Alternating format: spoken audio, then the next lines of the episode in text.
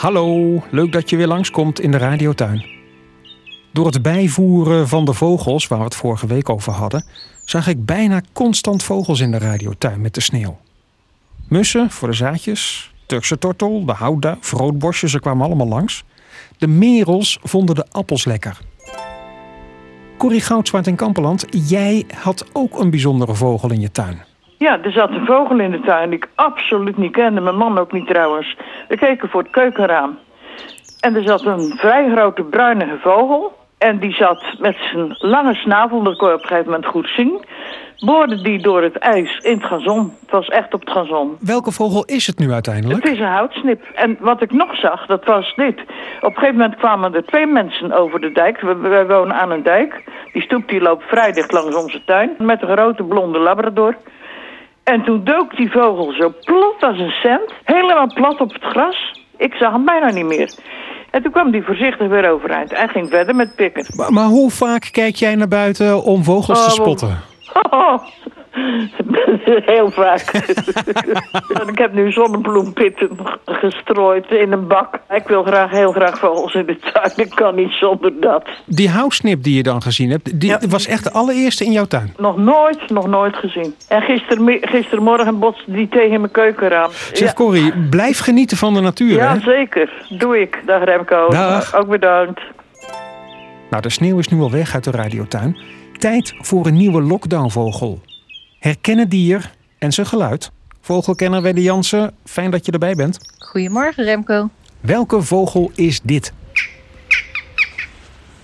Ja, dat is het karakteristieke geluid van de kou. Zo'n zwarte vogel, wat weten we daar nog meer over? Het is een kraaiachtige. Hij lijkt erg op de gewone kraaien die je ook ziet, maar hij is een stukje kleiner. Ik vind dat hij een wat blauwige nek heeft, maar volgens de vogelboekjes is het meer zilver.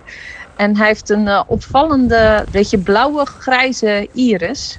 Dus die ogen die vallen ontzettend op bij die kou. En heeft een beetje een ingedeukt neusje, om het zo maar te zeggen. Ja, vrij korte, dikke snavel. En er zitten ook wat veertjes overheen. Ja, het is eigenlijk, als je goed kijkt, een prachtig beest. Ja, en zelf heb ik hem heel vaak verward met de kraai bijvoorbeeld. Het is soms wel even goed opletten of het inderdaad te kou is. Ja, dat kan ik me wel voorstellen. Ze- voorkomen is gewoon echt wel wat kleiner. En dat, dat is toch wel het beste om even op te letten. Van, is die echt hard zwart? Of zie ik toch nog wat nuances bij zijn kop? En dan eh, een grote kans dat je met een kou te maken hebt. Waar zien we hem allemaal? Nou, eigenlijk overal. Het zijn, net als veel vogels die je in je tuin ziet, zijn het cultuurvolgers. Dus de vogels die zich makkelijk aanpassen aan de mensheid.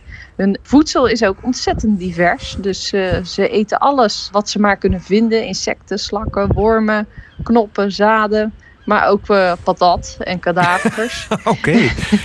en, en je ziet dat ze vooral fourageren of eten zoeken op de grond. Maar is het dan ook handig om ze nog wat extra voedsel te geven? Ik bedoel, ik heb wat patat overhoop, het thee leggen wanneer aan de kou komt tot ophalen. Dit zijn wel vogels, net als eh, meeuwen trouwens, waar je daardoor de last van kunt krijgen. Als er één die voedselplek heeft ontdekt, dan komen er veel meer en ze komen ook vaker terug. Dus daar Oh. moet je even over nadenken of je dat wilt. Overigens zijn er ook allerlei trucjes om eh, te zorgen dat je vogelvoer niet opgegeten wordt door eh, alleen maar een grote groep kauwen.